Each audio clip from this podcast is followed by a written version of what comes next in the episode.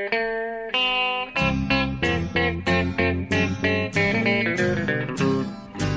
out there, we're on the air. It's hockey night tonight.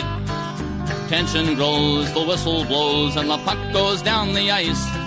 The goalie jumps and the players bump, and the fans all go insane. Someone roars, Bobby scores at the good old hockey game.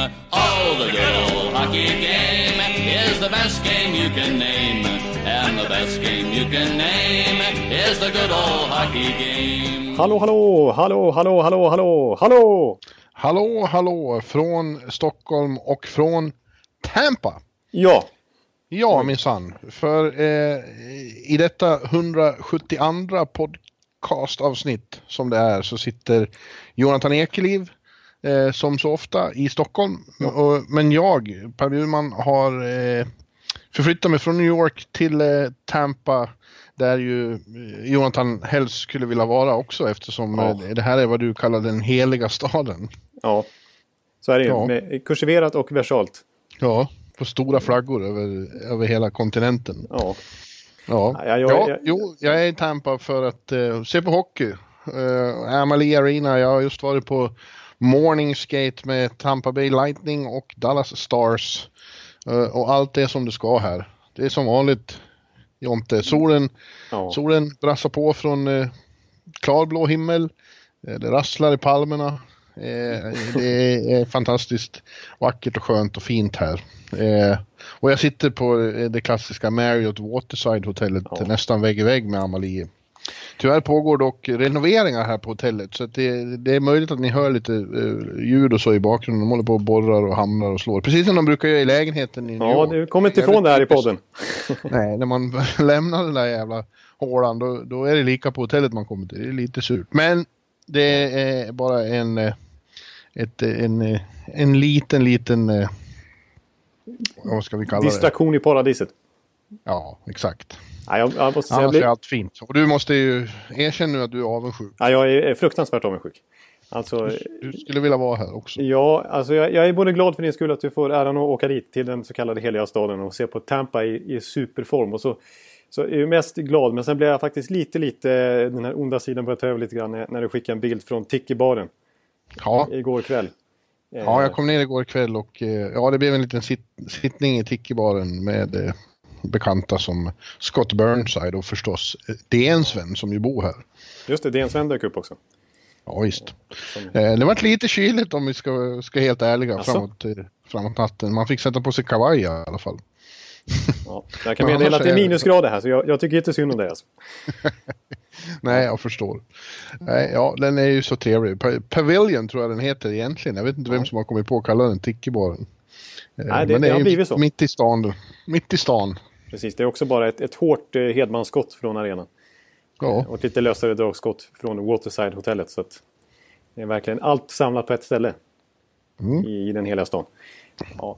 Jag, jag, är, jag, är, jag är ju som sagt avundsjuk. Och ikväll ska du se på, som du sa, Tampa-Dallas. ja, det känns som en väldigt bra match. För det är ju så, en av anle- huvudanledningen till att jag är här är ju att eh, Tampa Bay Lightning är världens bästa hockeylag just nu. Med ganska bred marginal känns det som. Ja, alltså det är så svårt för mig att prata om det här. För att jag, jag, det är så lätt för mig att liksom bara släppa alla spärrar och bara "Wow", liksom. För det är ju mitt Ja. lag. Men, eh, men det, de har Ja, fått och så möter de Dallas då. Det, det är ju faktiskt en tänkbar eh, repetition av en, ja, av finalen. Det, det är inte alls omöjligt. Nej, offensivt sett så är det här två eh, extremt sprängkraftiga lag. Alltså, eh, Dallas å sin sida, jag menar Tampa har fått eno- enormt mycket beröm för sin offensiv och sitt powerplay och så vidare. Men faktum är att Dallas har ju det bästa powerplayet i hela ligan. De ligger på 30% Klingberg och Radulov och Ben och Seguin och grabbarna.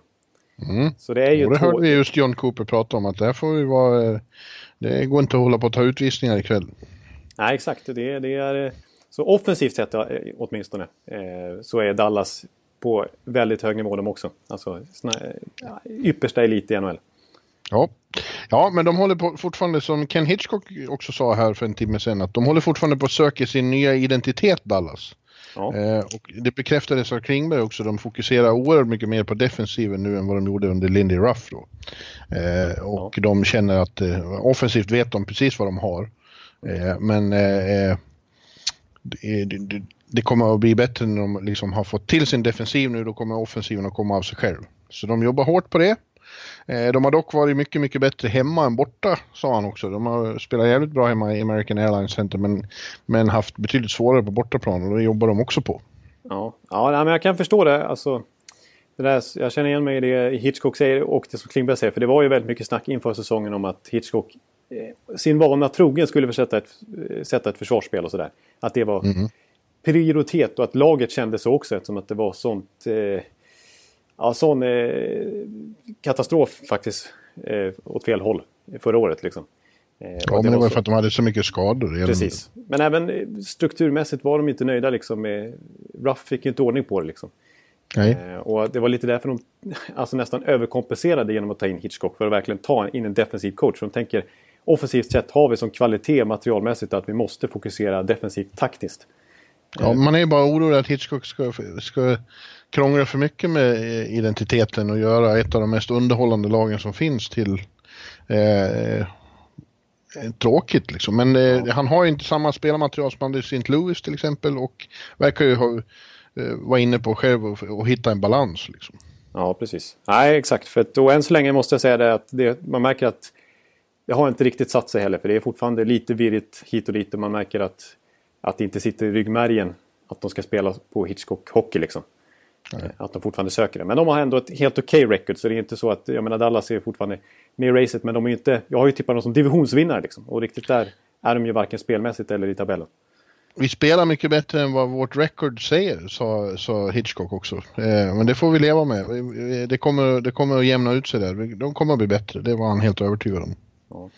Jag måste i sammanhanget nämna också att jag ser fram emot hyllningen du kommer få uppleva på plats i något powerbreak där när Ben Bishop ska ska, ska få en tribute på den eh, fotbollsplan eh, lika jumbotronen. ja, det, det, var ju... Då får du ställa dig upp. Ju, det var ju... Nej, det kommer jag inte göra. Det var, eh, det var ju... Talk of the Town här då under förmiddagen var ju förstås det att Ben Bishop återvänder hit. Eh, och eh, de tycker fortfarande väldigt mycket om honom här. Både Hedman och Cooper sa det att det är ju en, en god vän som man håller på fortfarande lite grann när vi, när vi inte möts. Han, det var honom vi red med till, till Stanley Cup-final och så vidare. Ja. Eh, så de tyckte det skulle bli väldigt, väldigt speciellt att, att, möta honom. Men att, eh, ja, det, så är det i den här businessen. Men Victor tänker försöka göra mål på honom.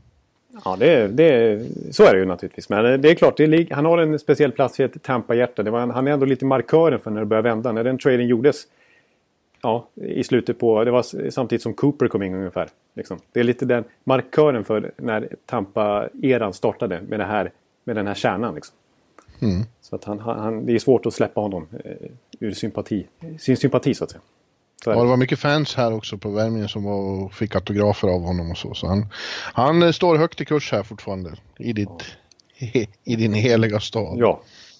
Ja, men du, vi, vi har eh, mycket att, diskutera idag men vi, vi har lite, kommer komma in på lite Hall of Fame. Det är lite eh, Globen-matcherna som var i helgen och det är lite trader som jag, det har sett och lite lag vi vill, övriga lag vi vill diskutera. Men vi zonar in lite på just Tampa och kanske Dallas första kedja eventuellt. Men framförallt första kedjor, eller kedjor i stort. Ja, precis. Och det, ja, det blir ju lätt så eftersom eh, eh, den verk, det verkliga utropstecknet här är ju första kedjan eh, de har. Eh, den ryska kedjan. Ja, det är ju, man... så är det ju. Det är ju en CCCP-kedja. Den har inte riktigt fått någon smeknamn men den, den har en väldigt rysk stämpel. Jo, de börjar prata här om Stamkov kedjan. Ja. att de har, bytt, de har satt ett ryskt namn på Steven Stamkos också. Ja, det, det är väldigt tacksamt faktiskt. Stamkov. Ja, Stamkov. Och eh, ja, eh, det prat, pratades här om att det är liksom ingen tillfällighet att han trivs så bra ihop med, med sina ryska kamrater. Eh, Kucherov Namestnikov. och eh, Namestnikov. Ja. Eh, att han, eh, Steven, som Viktor sa, har lite europe, europeiskt spel i sig. Ja. Eh, så han eh, tycker att de, de, de liksom, det är givet att de eh, trivs så bra ihop. Nu har de också, nu, från början är de extremt skickliga, de är bara födda så här bra. Ja. men har liksom utvecklat en fantastisk kemi och har nu extremt bra självförtroende också. Ja, så, så är det ju definitivt. Alla, alla tre, det stämmer ju något brutalt för dem alltså. Även Namestnikov har ju aldrig varit i närheten på så här bra i sin karriär tidigare. Nej. Han kommer ju snart, snart slå sitt personliga målrekord redan efter 20 matcher. Liksom. Ja. Eh, och, eh, för, för min del så är jag inte så överraskad över just den här trion. Eh, alltså att de, naturligtvis, det är klart att Stamkos och är jättebra spelare också, men även Namesnikov. För att innan Stamkos skada förra året, då var det ju den här kedjan också sattes ihop under en två veckors period ungefär innan eh, Stamkos vred sönder knät i Detroit. Ja, det, det påpekade Viktor också, att det här ja. såg han redan då, när de började spela ihop. Precis, och jag tror, det här kanske du har glömt bort för du har varit på 100 matcher sedan dess. Men jag har för mig att du var i Barclays och såg den här trion ha alltså sin kanske allra bästa match då, den säsongen, med New York Islanders. Borta när de gjorde, ja, de vann stort med 6-1 eller något sånt där. Jaha, var jag där då? Ja, jag, har för mig att du var där och, och satt och hyllade dem i bloggen.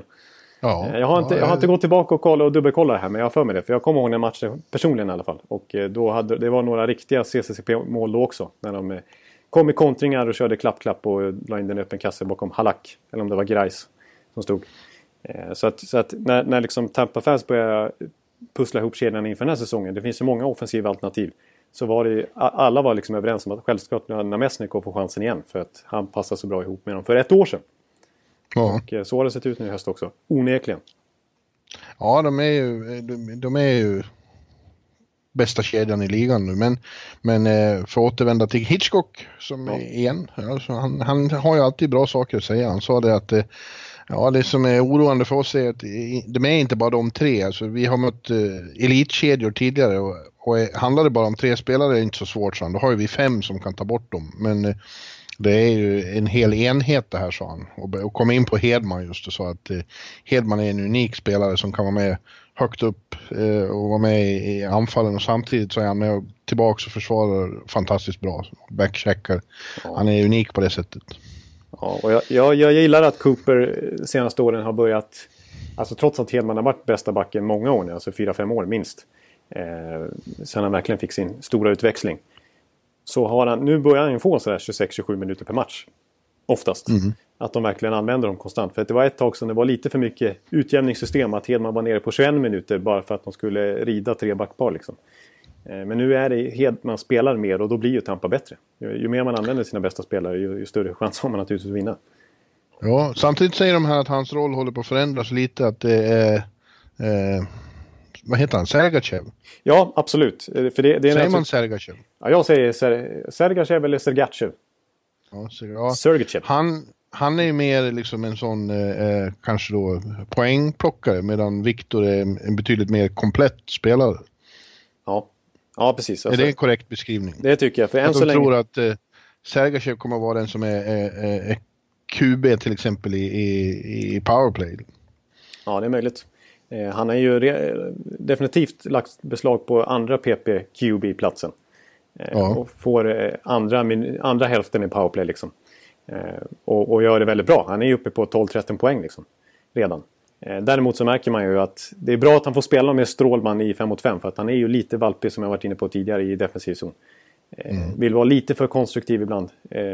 Och får dra lärdomar av sin backkollega som är lite mer bättre i, i de, de besluten liksom, när det gäller när man ska spela och när man kanske behöver rensa. Liksom.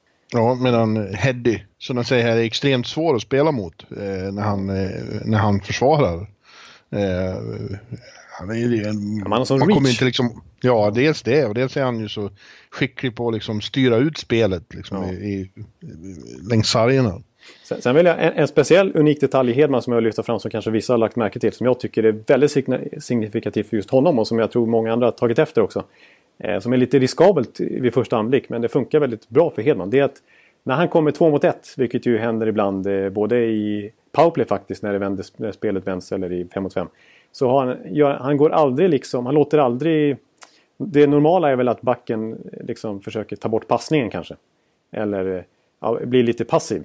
Men Hedmans mm. taktik det är att först vara passiv, låta två mot en utvecklas så att det liksom verkligen styr upp. Och sen är det plötsligt så jätteaggressivt attackerar han puckföraren som inte är beredd på det. Liksom. Som inte hinner lägga över passningen eller skjuta, som bara blir så chockad av att Hedman sträcker fram klubban och bara rusar framåt honom. Och så blir det ingenting av det och så hamnar pucken i sarghörnet och så var den där två mot ettan borta. I åtta av tio fall så lyckas det åtminstone, precis som Hedman har tänkt sig. Ja. Eh, det tycker jag är en typisk Hedman-play. Ja. Ja, men nu var det kedjor vi skulle prata ja, om. det var det ju. Och, eh, eh, det finns ju de som blir irriterade på att eh, du får prata så mycket om Tampa, men det är väldigt svårt att undvika just nu. Eftersom de är världens bästa lag. Men vi, vi sa att när vi ändå pratar om den här CCCP-kedjan så kan vi väl titta på de som är hetast den här hösten även i övrigt då. Deras främsta mm. konkurrenter om titeln eh, bästa kedjan i NHL. Eh, och det finns ju några stycken. Ja, det finns eh, flera nämnvärda här som skulle kunna konkurrera på en eh, topp 5-lista om vi skulle hitta på en sån. Ja. Eh, ja, alltså har du någon du vill namedroppa direkt eller?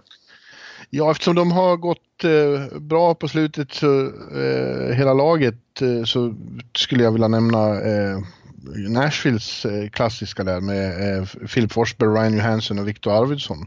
Ja. De har, nu har inte, Johansson har väl inte gjort ett enda mål än. Nej, Johansson har ju varit lite besvikelse poängmässigt. Mm, ja, men bara poängmässigt. Men det är ju en, en, en ruggigt bra kedja och framförallt verkar de ha kommit in i det nu. De har tagit fem raka segrar. Filip gjorde sitt hundrade mål, inte för säsongen, men eh, i NHL-karriären eh, häromdagen. Ja.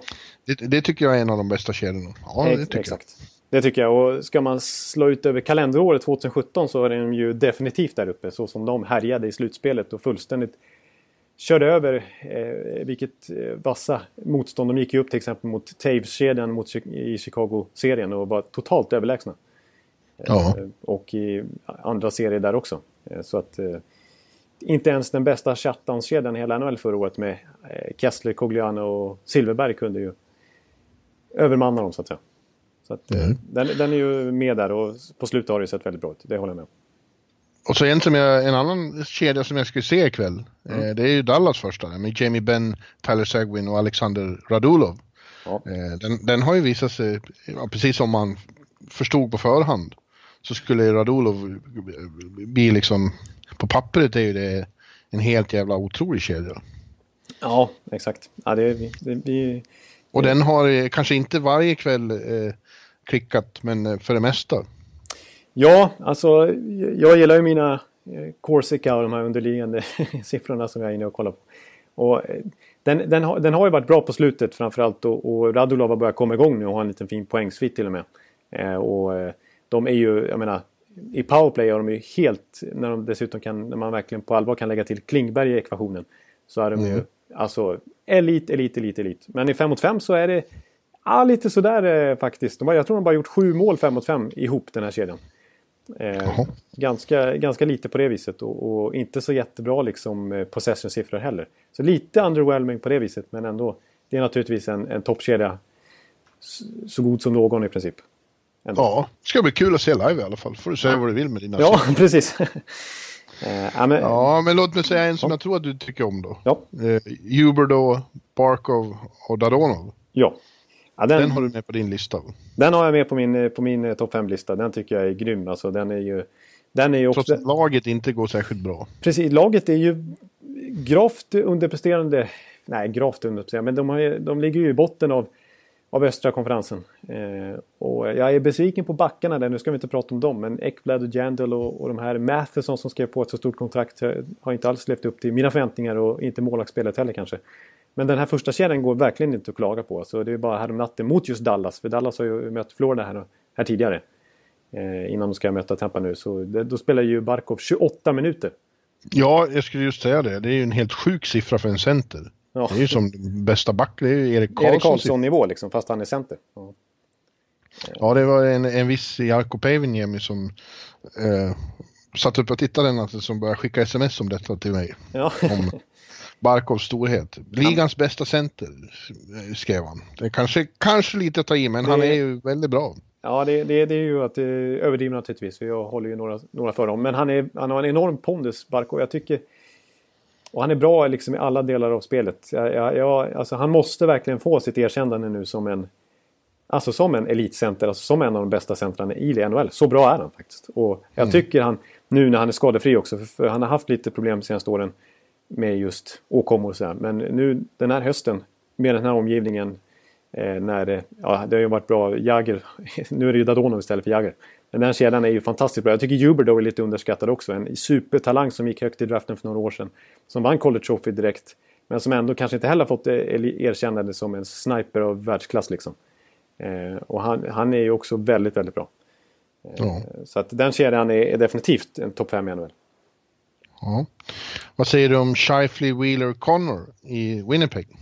Ja, den, den, tog jag inte med på min topp 5 och det är inte för att den är dålig på något sätt utan jag tycker att eh, de är bra båda två de där kedjorna i, i, i Winnipeg. Alltså eh, Line Ehlers Little är också väldigt bra. Mm. Eh, så att de, de, tog ut varandra lite grann på min lista men, men och de är väldigt bra i powerplay sådär. 5 mot 5 tycker jag att, att, att jag vill se lite mer. ja. Jaha, nu har han tittat på siffrorna. Ja. Nej men det är klart att det är otroligt bra. Jag tycker Connor har Scheifele har ju varit i grym form här och gjort otroligt ja. mycket mål. Exakt. Ja, Scheifele är Vänta, ju... nu kommer jag nysa ett ögonblick. Ja. Förlåt. Där kom den. Prosit. Där kom den. Ja. ja. Men eh, ja. Nej, men den, den, den, är bra. Den är bra. Eh, jag tjatar ju ofta om Kyle Connor att jag tycker han har kommit in och kompletterat den. De behövde den där extra pusselbiten i topp 6. Eh, och han känns gjuten där nu, från och med nu. Liksom. Mm. Sen en kedja som, som är den som har spelat mest ihop 5 mot 5. Nu är jag inne på mina siffror. Som har fått mest istid av alla kedjor i hela NHL. Med lika antal spelare på banan. Och som har gjort mest mål, kanske naturligt också, av den, just den anledningen. Det är första kedjan i Philadelphia. Med Couturier, Giroux och Voracek. Ja, just det. Alla ligger över en poäng per match i, i snitt hittills också. Så den, och där, där det var ju ett, ett, ett succédrag att, att befordra Couturier och verkligen ge en lite offensivare roll och flytta ut Giroud på kanten. Eh, det är ju verkligen att spetsa laget med de tre ihop, men eh, det har ju varit succé. Så den, den är med på min topp 5-lista nu, faktiskt. Ja. Ja, men vi måste väl nämna eh, eh Swartz, Chen och Tarasenko också. Ja, det vore ju, det vore ju direkt fel, felaktigt annars alltså. Ja, det har också varit en, en väldigt fin enhet här under hela hösten. Ja, exakt. Vi, vi tokhyllade ju St. Louis för några avsnitt sen här som eh, helt har överraskat oss. Både du och jag var ju rätt negativt inställda till dem i våran preview-podd.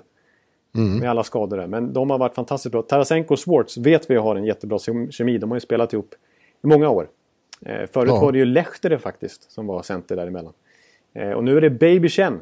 Alltså Lillebrorsen ja. som, som, som är, apropå Philadelphia, ju eh, spelade ihop med Chiru och Voracek i några år tidigare. Eh, och jag, jag, var ju, jag trodde inte så mycket på den här traden för, för hans del. Alltså. Eh, jag visste att han skulle få en stor roll även i St. Louis. Men ah, jag, jag betvivlade hans förmåga lite grann där. Jag, men han har faktiskt kommit in, och han är ju lite mer ytterforward har jag sett som honom, honom som också. Men han har klivit in som center nu och gjort det extremt bra och verkligen alltså, lyft den här kedjan ytterligare lite grann. Nu är det ju Tarasenko och Schwartz som är de stora stjärnorna men han har på mm. intet sätt förstört deras kemi, tvärtom. Det har blivit... Nej, han har, han har fått ett, ett, lite oväntat lyft där och fått en stor roll och så. Det är kul. Ja, och som center också. Oväntat. Ja.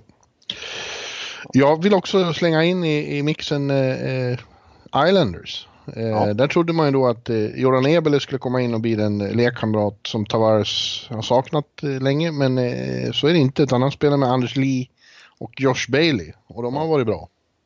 Ja, de har ju varit väldigt bra. Är det ju Tavares som har varit bra såklart. Men, ja, exakt. men det verkar vara de som ska spela mot Ja, det verkar verkligen så. För det var ju samma sak förra året. Då blev, då, jag menar, Bailey kom ju upp i nästan 60 poäng tror jag. Eh, alltså, han och Tavares funkar uppenbarligen bra. Sen, hela, han har ju varit där i organisationen i många år nu, Bailey. Han gick väl i första rundan 2009 och sånt där.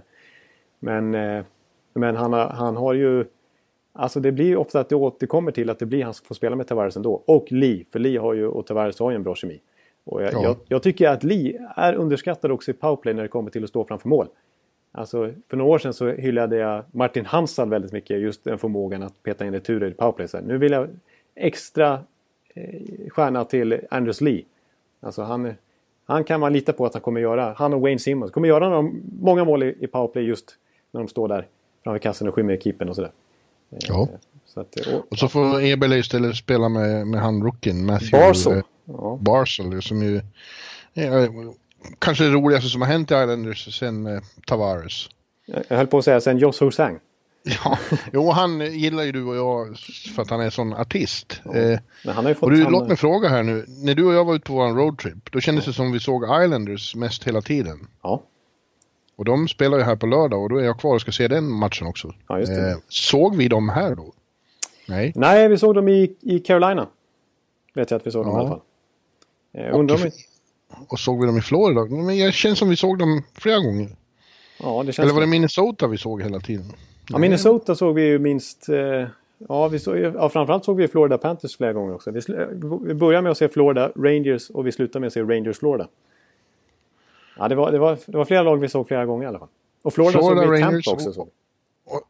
Jaha, så såg vi Minnesota och Florida här i Tampa då? Ja, precis. Och så Islanders i Carolina. Ja.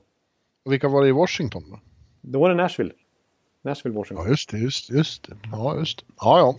Ja, nej, jag ville bara... Jag fick för mig att det för att vi, vi febrade så mycket om just... Eh, och sang. Ja. ja, det känns som vi såg honom mer, men det gjorde vi kanske inte. Men han, han var... Men ja, han har ju varit upp och ner mellan farmarlagen nu. Men nu är han tillbaks eh, uppe hos eh, i NHL. Eh, så att eh, Barzal verkar ju vara en mer ett pålitligt kort. Ja, exakt. Nej, men han är ju, han är ju bra. Alltså. Han har ju fullständigt öst in poäng i juniorligorna där och varit ett, eh, ett utropstecken i ju- i junior-VM och sådär. Så att de hoppades ju väldigt mycket på den här säsongen att han skulle ta platsen som andra center bakom Tavares. Men han har gjort det, han har överträffat förväntningarna. Han har ju varit väldigt bra. Ja. Riktig playmaker. Han har ju Niklas Bäckström bland annat som idol. Att, eh, pass first guy. Ja. Ja. Jaha, har du någon mer kedja på din lista som vi inte har pratat om? Eh, Ja, det är en kedja till som jag klämmer in här. Ett lag som har underpresterat grovt. Men som har en kedja när de sätter ihop de här två framförallt. Eh, som är definitivt topp 5 i NHL även den här hösten. Eh, de har svarat för minst, jag tror om det är 50% eller till och med mer än 50% av, av lagets mål. Och det är ju McDavid, Dreisaitl och Maroon. Ja, de, när, alltså, de skulle ju behöva splittra på Dreisaitl och McDavid för att jämna ut det lite grann. Men när de väl sätter ihop de här två då, då gör de ju mål. Liksom. ja. Men så är det, det finns ju väldigt eh, eh, potentiella superkedjor även hos andra lag. Men vi pratar om de som har varit heta den här hösten. Ja, exakt. Eh, eh, så då, då, kan man inte, då kan man kanske inte börja prata om Pittsburghs första kedja och, Nej, exakt. och Chicago och så. kan man inte riktigt. Nej. Eh, eh, ja, det skulle vara, det skulle vara Vegas då. Ja, det, den börjar William framförallt. Karlsson numera är första center. Ja, just det. Och där började ju eh, Perron och Neil väldigt bra ihop framförallt. Ja. Också. Men nu börjar, det, nu börjar de kanske få lite bakfart här. Det kanske, eh, verkligheten är på väg att komma ikapp dem. Kanske. Ja, se. Maxim Legace var smärtgränsen liksom. Det går inte att Ja. plocka in en femte målvakt, eh, fjärde femte målvakt liksom. Eh, Och Nej. fortsätta en eh, vinnande trend. Och så har de haft mycket bortamatcher här sista tiden också. Men de har, eh, de är fortfarande tvåa i Pacific. Ja, ja de är... Mm. Icke att räkna ut, men det kanske är lite mer normalt Vegas vi ser, vad jag har fått se. Ja. Men snart... eh, Innan, in, ja, förlåt. Nej, men eh, Fleury är väl snart tillbaka hoppas jag i alla fall. Det verkar så. Ja. I nuläget, Mm. bara innan vi går vidare, så jag bara, det är bara kul att titta på ibland. Eh, Eftersom vi på torsdag är det för övrigt, eh, nästa torsdag, så är det, om en vecka, då är det Thanksgiving. Eh, och då hävdar ju du att då sitter tabellen. Just det. Och om det vore nu, om, om, om det 82 omgångar var spelade, Ja. då skulle följande lag mötas i slutspelet. Det skulle vara Tampa Islanders, Ja. New Jersey Washington, Columbus mot Pittsburgh, Toronto mot Ottawa i öst. Ja. Ja. I väst skulle det vara eh, St. Louis eh, mot eh, Calgary, Mm. Kings mot Vancouver, Winnipeg mot Nashville och Vegas mot San Jose. Ja, Ja. ja, det hade man ju inte tippat inför säsongen så att säga. Vegas och ja, eh, New Jersey hemmaplansfördel mot Washington. nej. Och, eh, men det enda med sidan naturligtvis att Columbus och Pittsburgh igen åker ut. ja, ja, ja. Det går inte. Ja, nej, Men, ja, eh, nej. ja. nej jag, skulle följa, jag skulle följa Tampa Islanders tror jag. Eller New Jersey Washington. De två se- serierna skulle jag följa i första omgången. Ja, nu kommer vi ifrån temat här. Ja, Men jag, jag, kan jag, vi säga att vi är klara med kedjorna? Eller Ja, jag, jag, mer? nämner, jag nämner tre kedjor till utan att kommentera dem. Bara så att jag Oj, får dem. oj. Ja, eh, eller utan att kommentera. Ja, men lite grann. Jag vill, jag, jag vill ändå nämna eh, nya toppkedjan i Vancouver med Bertzi, Horvath och Besser. Ja, Eh, och eh, ja, alltså just, just heta i höst så måste man ändå säga Jeffallo, Kopitar och Brown. i Kings. Ja, inte oväntat. Ja, det är lite oväntat faktiskt. Det är också extremt mycket speltid på dem alltså. 5 mot 5. Eh, och eh, ja, sen vill jag faktiskt nämna en fjärde kedja som fått, får mycket beröm i det här laget och som innehåller två svenskar. Och som har väldigt fina underliggande siffror också som jag vill lyfta fram. Alltså, en fjärde kedja ska ju mest försöka spela 0-0 men de här förlägger spelet offensivt ofta. Kanske inte producerat så mycket. Ja, precis. Eh, Kryger, Nordström och Josh Juris ja. har varit en väldigt bra fjärdekedja. För att kalla det, kalla det på det viset. Så den tycker jag ändå är värd att nämna i sammanhanget. Men nu är Kryckan sjuk, höll jag på att säga. Han har eh, feber. Ja, tyvärr. Day to day. Ja. Ja, det, ja, det är så. Det går influensa. Det är november nu. Nu kommer flunsan. Ja, det får till och med ja. du och jag erfara. Ja, absolut. Det har vi gjort. Men du, nu, nu måste jag fråga. Eh, vi hade ju, vi pratade mycket förra veckan inför Globen-matcherna mellan eh, Ottawa och Colorado. Nu är de spelade och du var med, i alla fall på lördagen. Ja, där, så hur, hur var upplevelsen skulle du säga? Ja, nej, men det var, det var eh, kul. Jag, på lördagsmatchen fick jag vara med. På fredagen missade var det Sverige-Italien. Jag var inne på redaktionen och jobbade med den. Men det var ju kul att för en gång skulle eh, för, för min del att kunna berätta någonting om en NHL-match på plats. För det är inte så bortskämd med jämfört med dig. Så att, det var ju kul att uppleva. Det, det, däremot vill jag säga att det var ju fullsatt och det var, det var rätt bra tryck delvis och sådär. Men det är ju det är en annan grej att se en match på plats i USA med riktiga hemmafans och hela stämningen som byggs upp då jämfört med på neutral plan som det ändå blir. Ja, li, lite, lite, lite halvt jippo-känslan då även om det är en grundseriematch i november liksom.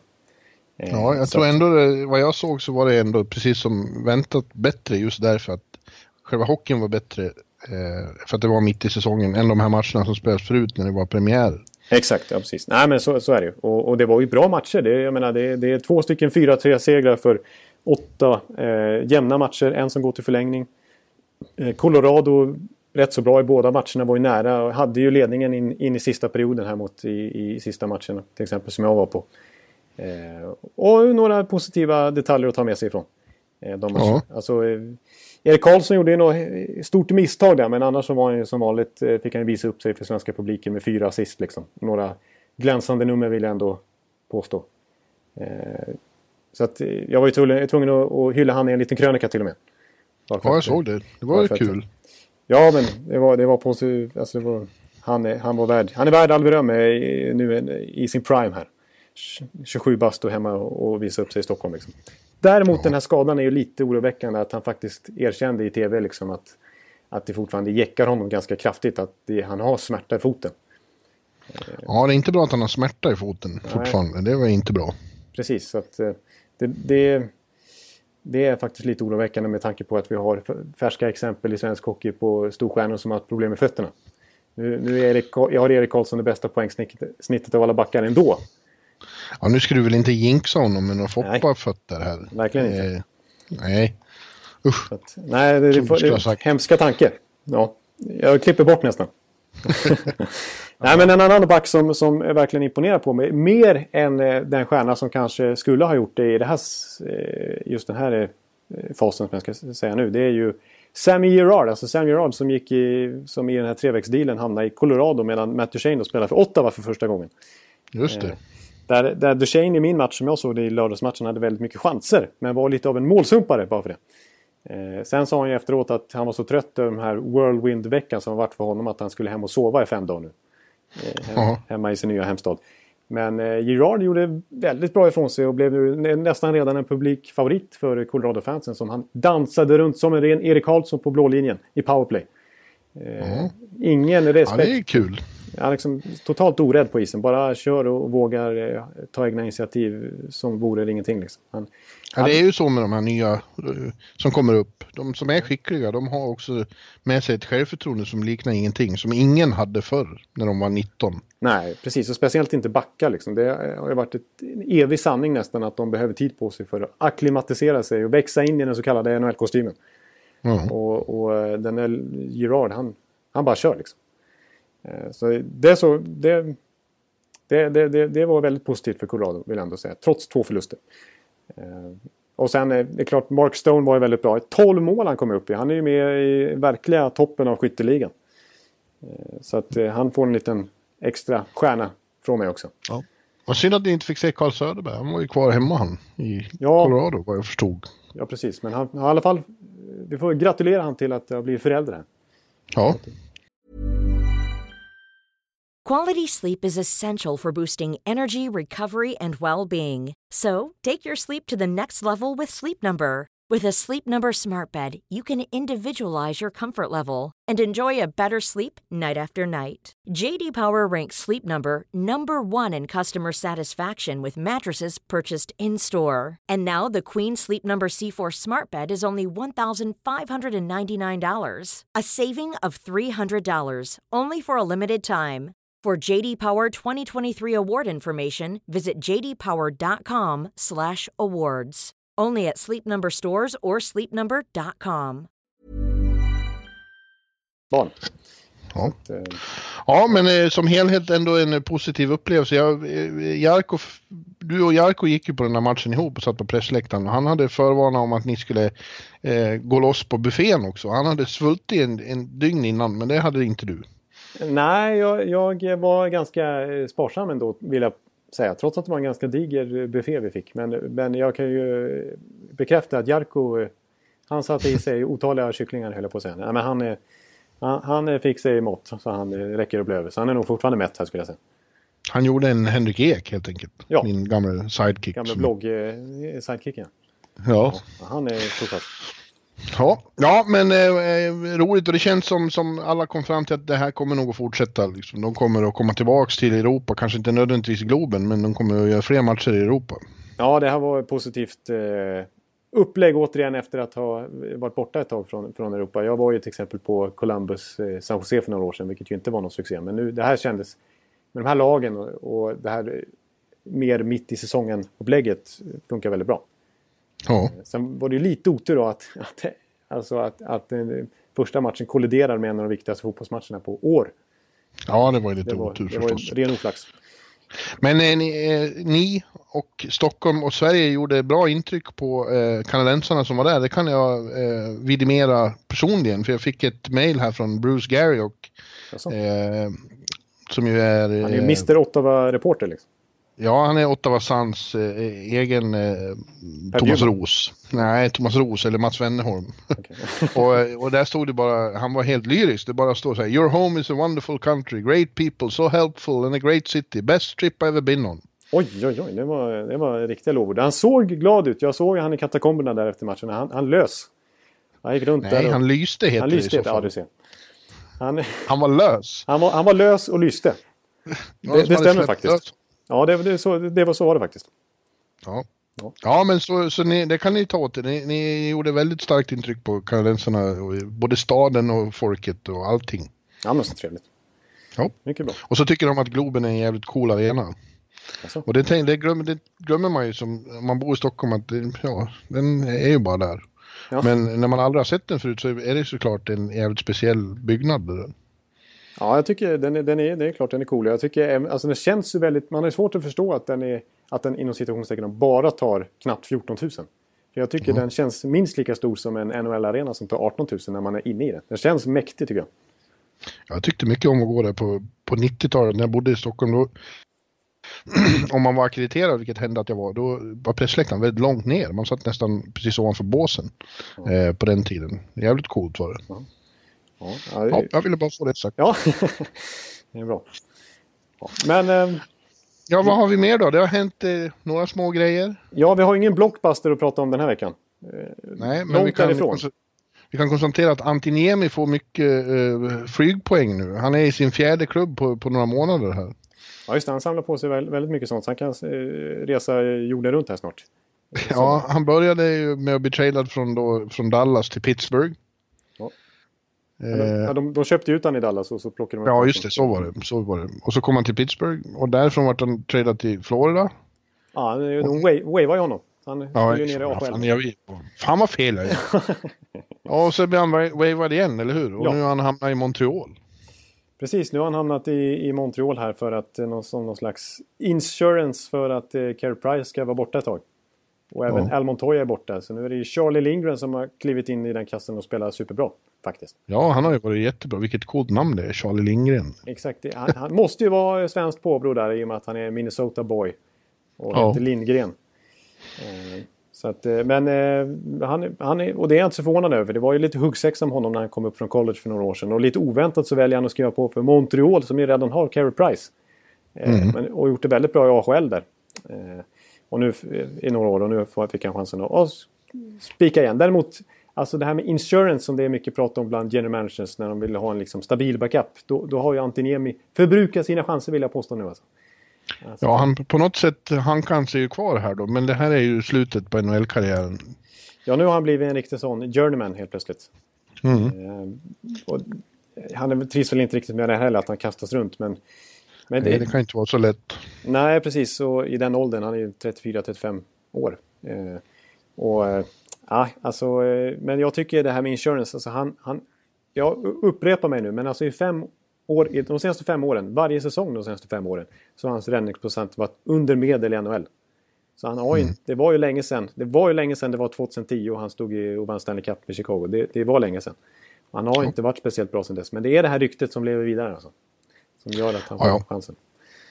Ja, men han... Eh, ja, det är lite tråkigt. Men han har fått bra betalt under åren så han kommer att klara sig. Han kommer att klara sig. Han, inte minst när han blev utköpt nu, då fick han ju mycket pengar. Nej, exakt. Han, han, har det, han har det gott ställt ändå, får vi, får vi ge honom. Så att han, han klarar sig. Lite, lite, lite oroväckande kanske där, alltså, man ska inte dra för stora växlar, men med, med Carey Price att han är borta igen nu med en skada.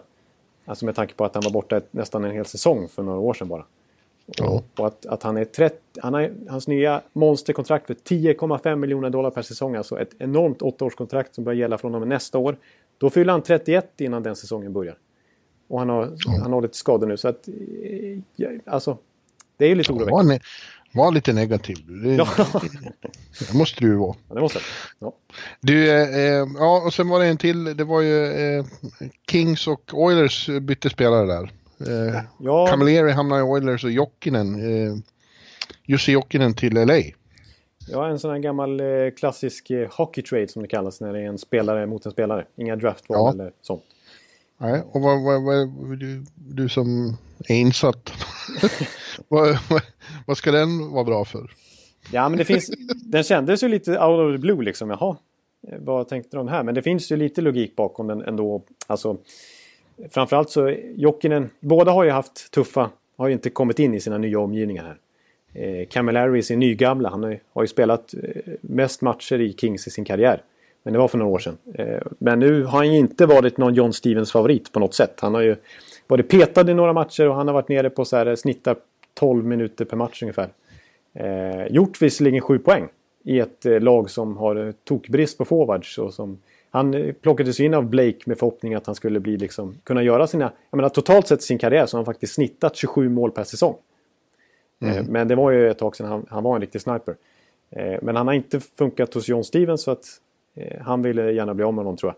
Och Jussi Jokinen i sin tur kan ju spela center och det är framförallt centerbrist som, som Kings lider av nu när Carter är borta.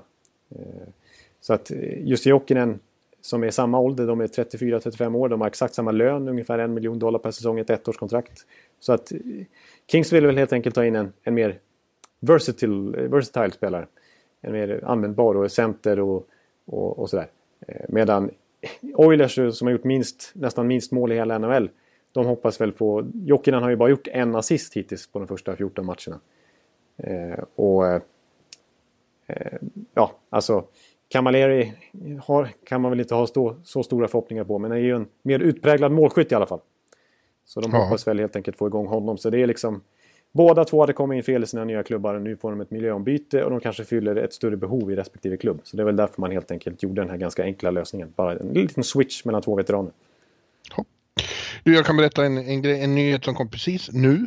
Mm. Eh, är att Anders Lindbäck plockas eh, upp eh, från Milwaukee till Nashville och faktiskt eh, Jussi Saros eh, åt, går åt andra hållet. Ja, Ja, det, då, är det, då, då slog den in, den teorin som jag lanserade i någon podd eh, inför säsongen. Att jag tänkte att de tog in Lindbäck just för att kunna ge Saros eh, matcher i AHL. Ja. Eh, för att det var ju samma upplägg som, som Tampa gjorde med Vasilevski. Att Vasilevski var given andremålvakt. Men för att han ska inte bara spela två matcher i månaden så, så skickar man ner honom till AHL ibland. Han behöver inte gå igenom waivers. Och så får han spela Nej. två matcher där, två, tre matcher. Och så kallar man upp han igen. Eh, Ja. så det, det, jag tror inte att Lindbäck kommer få stå så mycket i, i Nashville här. Utan det är mer en, en, för att Salo ska få matcher helt enkelt. Säg inte det. Lindbäck har tydligen enligt Hockeysverige.se måste vi säga för att det är de jag sitter och läser på. Så Ja. vi måste få ge dem eh, Ja. cred eh, att han är faktiskt den i AHL som har vunnit flest matcher tydligen, Lindbäck. Ja. Ja, så sitt inte och, och för flisig mot honom. Nej, de, de, de har lyckats oväntat bra de här eh, Rögle-målvakten, Rögle-målvaktsparet förra året. Alltså. Ah, Oskar Dansk och Anders Lindbäck. Ja, Slutade i NHL för båda två. ja, ja, Limpan. Kul för honom. Ja. Och sen så är en annan grej som vi inte eh, tog här när vi hastade igenom ett litet körschema var att eh, Gary Bettman har ju tydligen varit och träffat Houston Rockets ägare Ja. eh, för att diskutera möjligheterna att etablera ett NHL-lag i Houston, Texas. Just det, han pratade Och, med eh, NBA-ägaren där va? Eller hur var det? Ja, ja, det är väl Rockets det. Ja, just det. Precis. Ja, jag är. ja. Så blir det. Eh, och eh, eh, det skulle ju vara något. Houston är ju den överlägset största amerikanska marknaden där NHL inte finns. Nej, det är typ fjärde det- största stan och sånt där. Efter Ja, Chicago. fjärde eller femte. Fjärde eller femte, ja. Så det vore väl något. Och ett till lag i Texas. Exakt, det har varit väldigt lite snack om... Alltså det är lite ändå lite förvånande för det är ju alltid... Det är ju det är liksom Seattle eller Kansas City eller ett nytt Toronto-lag eller Quebec. Mm. Som har varit på tapeten. Men, men Houston som är så stor marknad har liksom knappt nämnts. Eh, som ett tänkbart alternativ. Och det, men det är klart att där... Ja, det skulle ju spetsa till Texas-hockeyn lite ytterligare om de fick en ri- rivalmöte där också. Ja, Alltså vad de det- skulle hata dem. i. Ja, det är, det är USAs fjärde största stad om man bara ser till själva stadskärnan. Det är New York, Los Angeles, Chicago som är större. Nej, varför skulle det inte gå att starta ett hockeylag där? Säger jag i alla fall. Spontant, utan att ha läst så mycket om den. Så, Ja, jag tycker det skulle vara det. Man tycker om att vara i Texas, så inte mig emot. nej, nej, nej, absolut inte. Jag, jag är all for it alltså. Lös det. Ja. ja, och då, det skulle ju vara eh, väldigt eh, smidigt rent eh, logistiskt att få in ett till lag i Central då. Exakt, precis. precis. Så blir det 32 lag och eh, 16 per konferens. Ja, Mycket smidigt. Lite snöpligt däremot för både Quebec och Seattle om det 32 laget inte blir något av dem. Som, Nej, men de kan ju flytta lag också. Ja. De kan flytta Carolina om, om ni ursäktar, eller Tampa eller så. eh, vi går vidare. eh, Ja, Tampa till eh, Quebec. Quebec är Lightning. eh, vi ska prata också om eh, Oliver Ekman Larsson. Ja, Arizona slog ju faktiskt ett väldigt tråkigt rekord här i, häromdagen när de fick stryk igen mot eh, Winnipeg var det väl. Mm. Eh, det var 20 de, de, de första lag någonsin som har öppnat 20 raka matcher utan att vinna en enda under ordinarie matchtid. De har vunnit några på övertid och straffar men inte under ordinarie matchtid. Det är ju ett dystert rekord. Ja, det, var, det, och det fanns ju trots allt inte på kartan inför säsongen när, när vi kände att det här Arizona-projektet skulle börja ta fart. Nej. Alltså så Nej. som vi, vi hade dem ju som en... Alltså de skulle definitivt vara med och, och slåss om en slutspelsplats. Ja. Eh. Nu har de 13 poäng upp till strecket och, Ja. och mer matcher spelade än nästan alla andra. Exakt, och i ett tvåpoängssystem så är 13 poäng så här tidigt, det är ju ointagbart i princip. Ja, det är kört. Det är tokkört. Grönborg kan ringa Hjalmarsson och Ekman Larsson. Ja, redan nu ja, precis. Nej, men det, det, det är ju ett superfiasko det här. Eh, Men, Ja, nu ska vi inte ta i så nej, men spelmässigt har det ju inte varit bra. Framförallt så vill jag säga att, att i sammanhanget, det går inte bara att skylla på det när man, har, när man inte har vunnit en enda match på ordinarie tid på 20 om- omgångar. Men, men målvaktsspelet tycker jag definitivt, alltså, det går inte att vinna när man har, vad de haft. De har, ett tag hade de 86 procent i ett målvaktsspel. Liksom, eh, totalt Ja, det, förresten, det var ju en liten eh, move där också. Eh, Tampa hämtade väl han, eh, vad heter han? Ja, Louis Domingue. Som du gillade förra året, kommer jag ihåg. Ja, för något år sedan gillade han hade. Jag ville, tyckte att det var lite revansch. Han som blev så fullständigt eh, söndersågad av Patrick Roy som junior en gång i tiden. Eh, så kom han ändå till NHL. Men eh, där, eh, i år har det ju varit katastrof faktiskt, för hans del. Eh, Det är det hårda ord Ja, här. det, jag, jag är stenhård där. Jag får, jag får lugna ner mig lite grann. Nu har jag ju spelat Ja. dessutom i Tampa här. Ja. Ja, det var en liten, jag tror att det var en ren AHL-move där. För att Michael Layton i Tampas familjelag har varit, eh, nu ska jag vara snällare i ordvalet, har inte varit så bra. Nej. Och då hoppas man att, eh, Domin åtminstone kan stärka upp på AHL-sidan. Tampa hade, de var ju i final förra året och nu ligger de i botten i, på AHL helt enkelt. Eh, nivå. Så att, eh, jag tror att det var en sån move lite grann. Eh, Men nej, Arizona. Ja, Oliver Ekman Larsson alltså. Det har ju varit eh, lite... Alltså han har ju haft en väldigt... li- Liksom laget har han ju haft en, en riktigt tung höst. Ja, han har blivit utpekad av Tocket som en som definitivt måste vara bättre och så. Ja. Eh, och det har varit eh, några grova misstag man har sett och sådär. Eh, och inte den Ekman Larsson som har stängt in eh, svenskt målrekord för några år sedan. Och som varit en ljusglimt i Arizona-öknen eh, under hela sin era där i princip. Ja. Men eh, i år har det varit extremt tungt. Eh, jag tycker ändå att han har varit... Alltså, mina, mina siffror, om jag tittar på dem igen, så har han inte varit eh, underpresterat så våldsamt grovt direkt. Utan han har ju faktiskt... Han har, genererar eh, mer chanser framåt när han är inne på isen än bakåt till exempel. Trots sin omgivning. Eh, och sådär. Det är ju en bra back. Det går inte att, att, att säga något om det. Men kanske extra mycket fokus har hamnat på honom nu med tanke på att hans kontrakt går ut nästa sommar. Inte nu. Han har, ett, han har ett år kvar efter det här. Ja, precis. Men... Eh, ja. Eh, Jag, är, jag har ju hört det folk som eh, undrar eh, om, om det här skulle vara ett tecken på att han vill därifrån. Liksom. Och det vore väl i och för sig inte så konstigt om han ville det. Eh, efter alla de här tråkiga åren som har varit nu. Och man trodde att det skulle bli bättre i år och så blir det inte så. Men eh, det är inte så att han åker omkring och underpresterar för att få bli trailad eller något. Det är ju helt otänkbart. Det, Nej. det är aldrig. Nej, precis. Nej, verkligen. Det, så, så, så går det inte till. Han vill ju vara så bra som han kan såklart. Exakt, absolut. Och rent eh, min känsla när man liksom, när han har intervjuer och sådär. Jag träffade honom i somras en kortis på den här pressträffen. Så, så lät, han, han talar alltid väldigt varmt om Arizona. Liksom. Han trivs verkligen utanför isen. Ja, det finns ju få ställen som är så fantastiska att bo på. Det, det är bara så. Ja. Det är helt underbart i, i den där dalen där. Precis. Så, så att, eh, Däremot så tror jag kanske att det kan vara mentalt tungt nu att liksom, ja som sagt det har ju varit tråkigt som fan såklart när de inte, aldrig vinner och, och inte har en chans att gå till slutspel och så. Det måste ju vara tungt när man tror att ett, en säsong som den i år då kanske, nu kanske det vänder lite. Och så blir det värre än så någonsin. det, precis, så går det tvärtom. Liksom. Ja, det, det, det kan jag förstå på ett mentalt plan. Att det inte är bra. Så då, han har ju varit med verkligen en lång rebuild-fas här nu. Som skulle kulminera nu när de till slut, eh, istället för att offra ännu mer liksom, eh, core-spelare, så tar de in nya istället. Och liksom markerar för hela gruppen att nu ska vi gå till slutspel. Och så blir det precis tvärtom. Det, ja. Samtidigt så har jag svårt liksom, för Carolinas del hur de ska resonera här. Alltså, om de ska, för, snacka om att ta... liksom- Carolina? Carolina, förlåt mig. Eh, Emil Ullbrand som jag vet är Carolina support till exempel. att Ja. eh, blanda ihop eh, i det här fallet. Nej, eh, Arizona. Att, eh, alltså, tradar man Ekman Larsson så går det in i sin prime nu. Liksom, född 91, vad är han? 26-27 år. Det är nu, det är nu liksom han ska pika här. Och liksom trada bort honom då igen. Då liksom börjar man ju om, då börjar man på en ny rebuild. Liksom, en ny våg av spelare.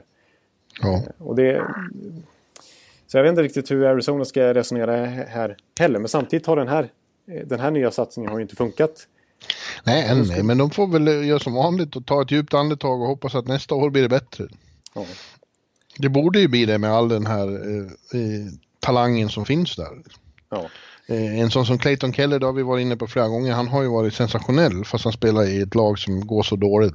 Ja, exakt. Och, och det, det är några till som jag tycker ändå har stuckit ut på ett någorlunda positivt sätt. Alltså, Max Domi har ju varit bra i år igen. Eh, och eh, Perlini till exempel tycker jag visar, har sniperpotential. Och Antiranta har varit okej här sen han kom tillbaka från skada. Liksom. Så, och Hjalmarsson är till, snart tillbaka. Han har ju missat ganska många matcher nu.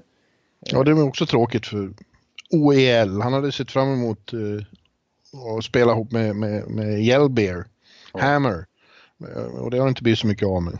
Så det, det, det är nog tråkigt. Men alltså, ja, alltså, skulle de traila bort sin överlägset bästa back som du säger som precis är på väg mot sin prime.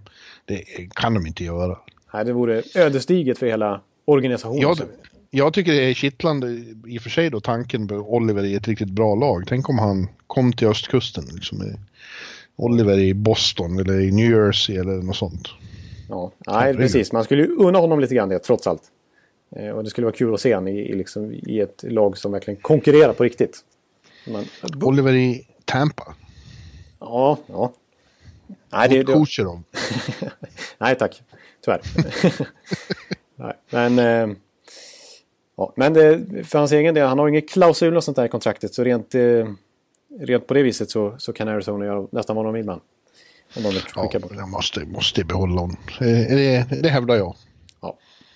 Nej, han, han har en svacka på sex veckor i början av en, en skidsäsong. Ska det liksom avgöra hela hans uh, bana i, i Arizona? Det tycker jag verkar konstigt. Ja, nej, nej, det... det är sådana som du som överreagerar som ja, vanligt på allting. Exakt.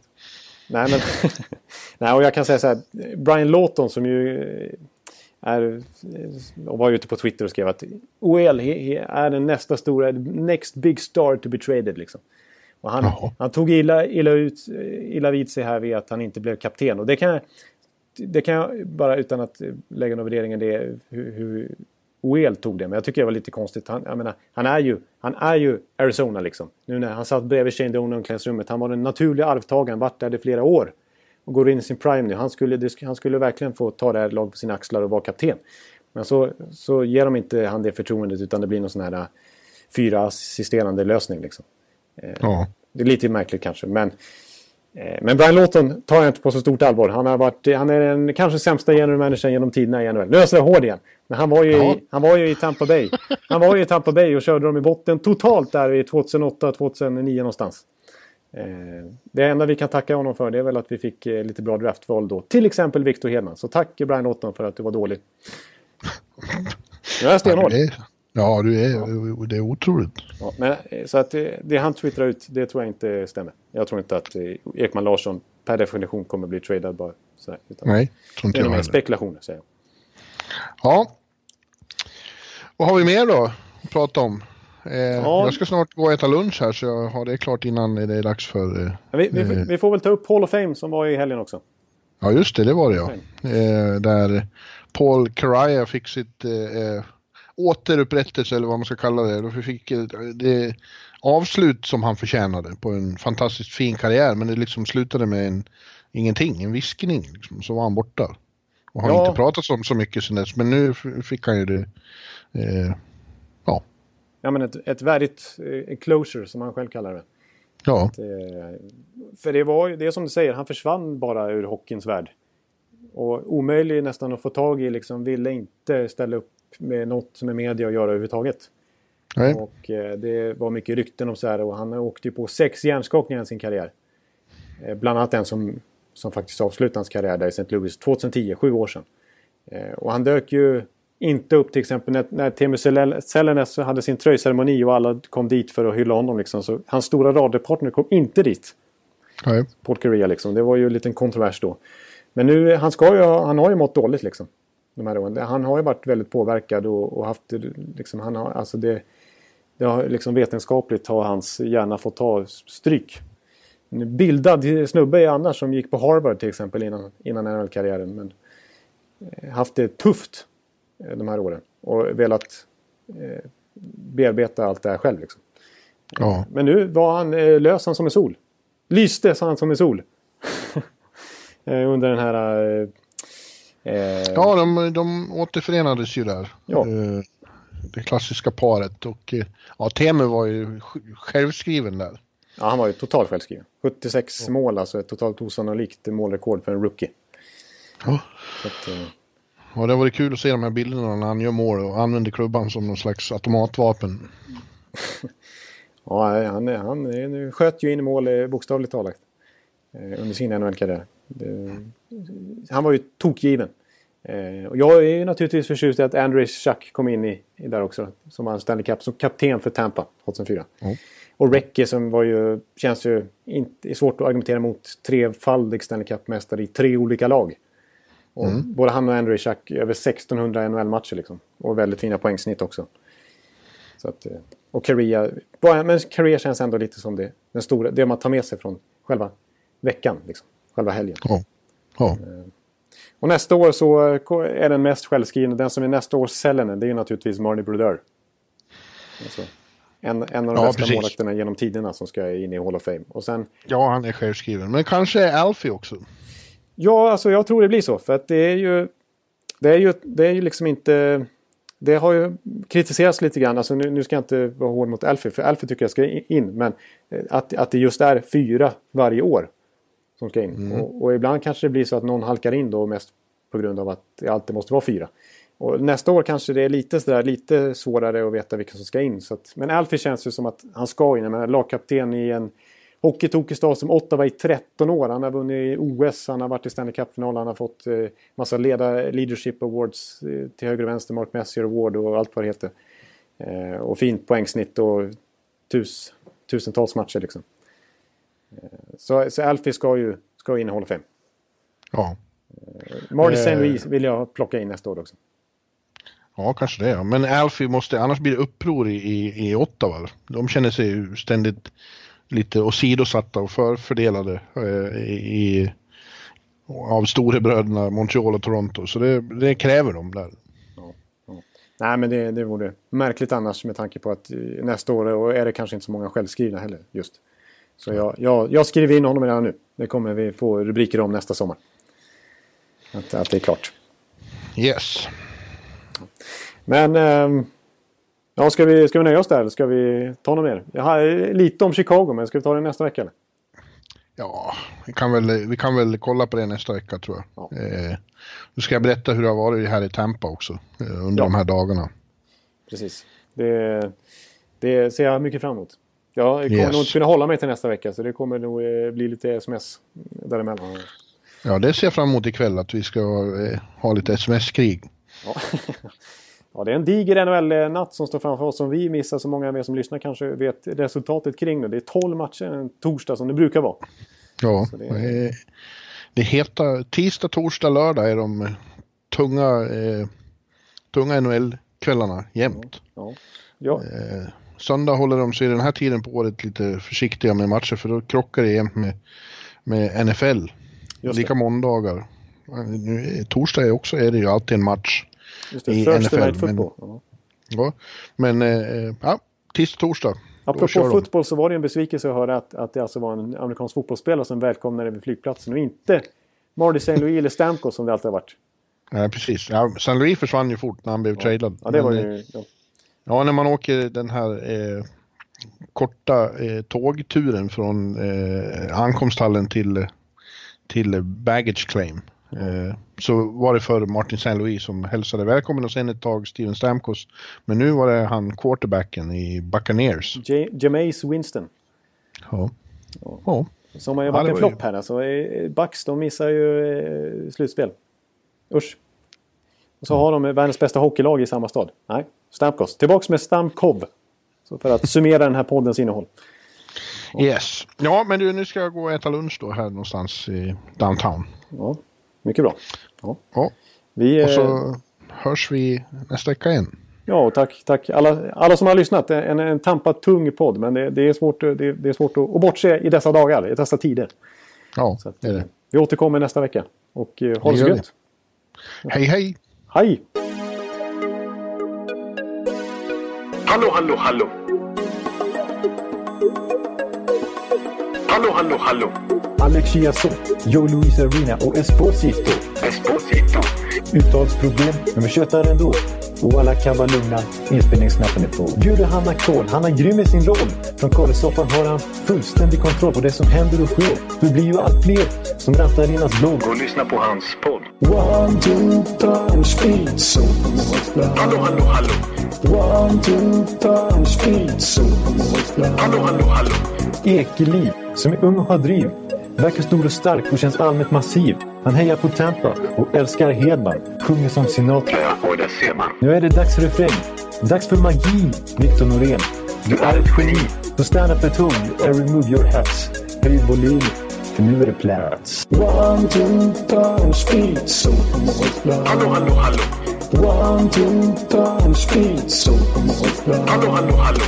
One, two, times speed, so Hallå, hallå, hallå. One, two, time, speed, så på målplan. Hallå, hallå, hallå. Det är otroligt länge sedan båda samtidigt var så här bra. Hallå, hallå, hallå. Det är otroligt länge sedan båda samtidigt var så här bra.